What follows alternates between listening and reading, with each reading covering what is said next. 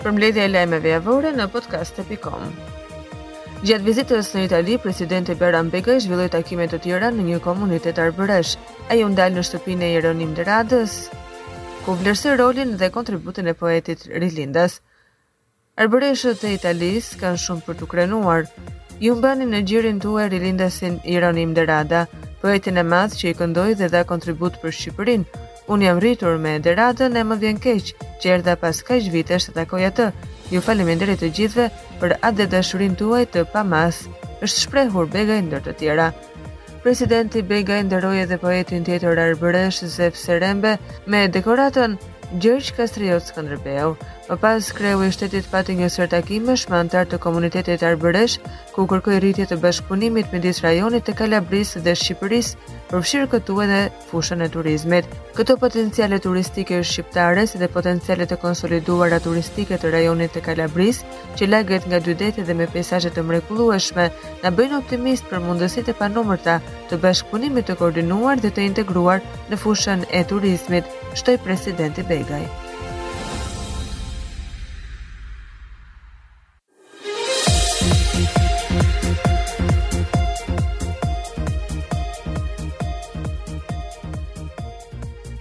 Policia e shtetit ka shkuar në selinë e Partisë Demokratike për t'i komunikuar masën e GJKKO-së Sali Berishës. Ky i fundit në një deklaratë për mediat pasi doli nga selia blu, u shpreh se nuk i ka takuar dy oficerët e policisë pasi nuk dëshiron të shkelë kushtetutën. Kushtetuta është kushtetutë. Siç ua bëri të qartë Bylykbashi, ky ishte një akt i turpshëm i Edi Ramës i cili urdhëron si mercenarë të shkelmojnë Kushtetutën. Ka një nen, neni 73.2 që qartëson në mënyrë të kristaltë çdo veprim, pra deputetit nuk mund t'i kufizohet liria në asnjë lloj forme pa vendim parlamenti. Nuk pata asnjë takim personalisht sepse unë do të respektoj Kushtetutën e cila prevalon. Ky ishte turpi i Edi Ramës. Unë nuk i takova fare sepse unë nuk mund të pranoj shkelmin e kushtetutës se do Edi Rama. Nuk mund të pranoj. Po t'i takoja do i thosha çojani Edi Ramës të ziejë çaj. Mos ngatrojmë gjërat, ajo që nisi ditën e enjte është pa kthim. Edi Rama përpiqet t'i pleksë, por me dështim. Besoj se u përgjigja, u shpreh Berisha. Ish-kryeministrit Sali Berisha i është caktuar masa detyrim paraqitje dhe i është bllokuar pasaporta pas akuzave për dosjen e privatizimit të ish-kompleksit sportiv Partizani. Sali Berisha dyshohet për korrupsion pasiv të funksionarëve në bashkëpunim. Veçti, Gjykata e Posaçme vendosi detyrim paraqitje për Fatmir Bektashin, ndërsa ra në pranga Jamarbër Malltezi.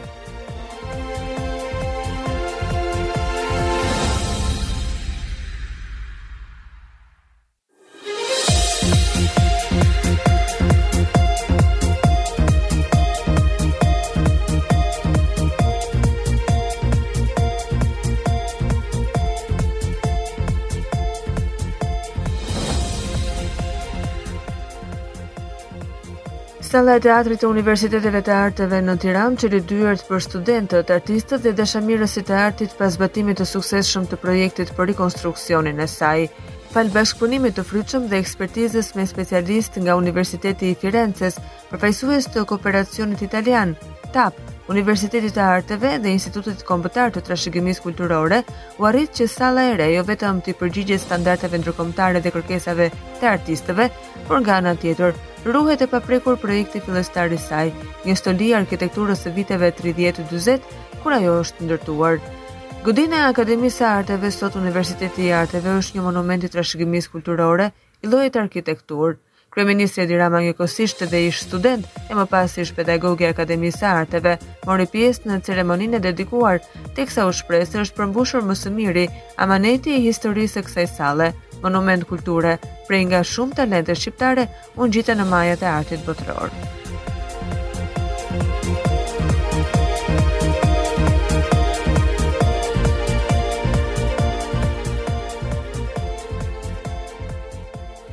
Ministri për Evropën dhe Punët e Jashtme Igli Hasani në takimin e radhës të Këshillit të Sigurimit theksoi se sfidat aktuale gjeopolitike bëjnë të domosdoshme bashkëpunimin mes OKB-KS, dhe organizatave rajonale në ruajtjen e paqes dhe sigurisë ndërkombëtare. Sipas kryediplomatit shqiptar, organizatat rajonale dhe nënrajonale mund të luajnë një rol kryesor për të siguruar që lojërat për pushtet të mos pengojnë realizimin e paqes, duke shfrytëzuar potencialin e organizatave rajonale dhe nënrajonale dhe duke u bashkuar me vendosmërinë tonë për të mbështetur vlerat multilateralizëm, dhe bashkëpunimit ndërkombëtar, ne mund të përballemi me sfidat aktuale globale dhe të punojmë për një botë ku parandalohen konfliktet dhe arrihet paqja, duke siguruar një të ardhme më të ndritshme dhe më të qëndrueshme për të gjithë, u shpreh ai.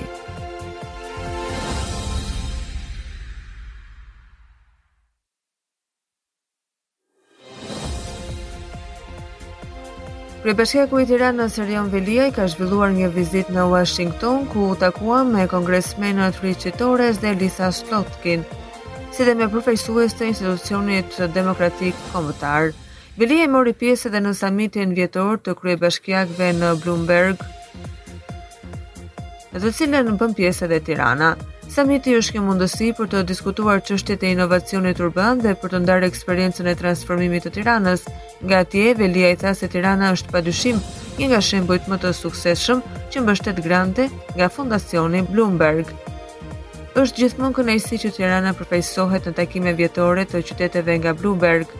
Tirana ka qenë pjesë e kohortës së parë të qyteteve që me ish-kryetarin e bashkisë është përfshirë në një sërë transformimesh, ndërsa sot jemi në vitin e 8 që Tirana është pa dyshim një nga shembujt më të suksesshëm që mbështetet me grante nga Fondacioni Bloomberg.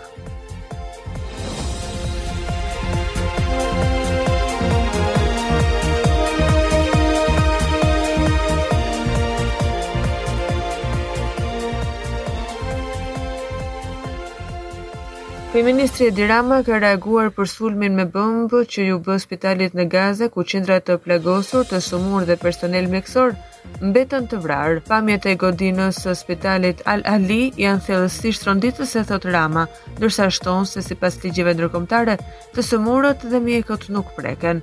Është thellësisht tronditëse të shohësh pamjet e goditjes me bombë në spitalin Al-Ahli në Gaza, ku qindra e qindra njerëz u masakruan dhe humbën jetën. Sipas ligjeve ndërkombëtare dhe sipas zakoneve të luftës, të sëmurët e të plagosurit, spitalet, personeli mjekësor dhe objektet e lëvizshme të kujdesit mjekësor nuk preken, nuk ka asnjë justifikim, Në asnjë rrethanë, për goditjen e infrastrukturës spitalore, civilëve dhe ekipeve mjekësore, thotë kryeministri në një postim në rrjetet sociale.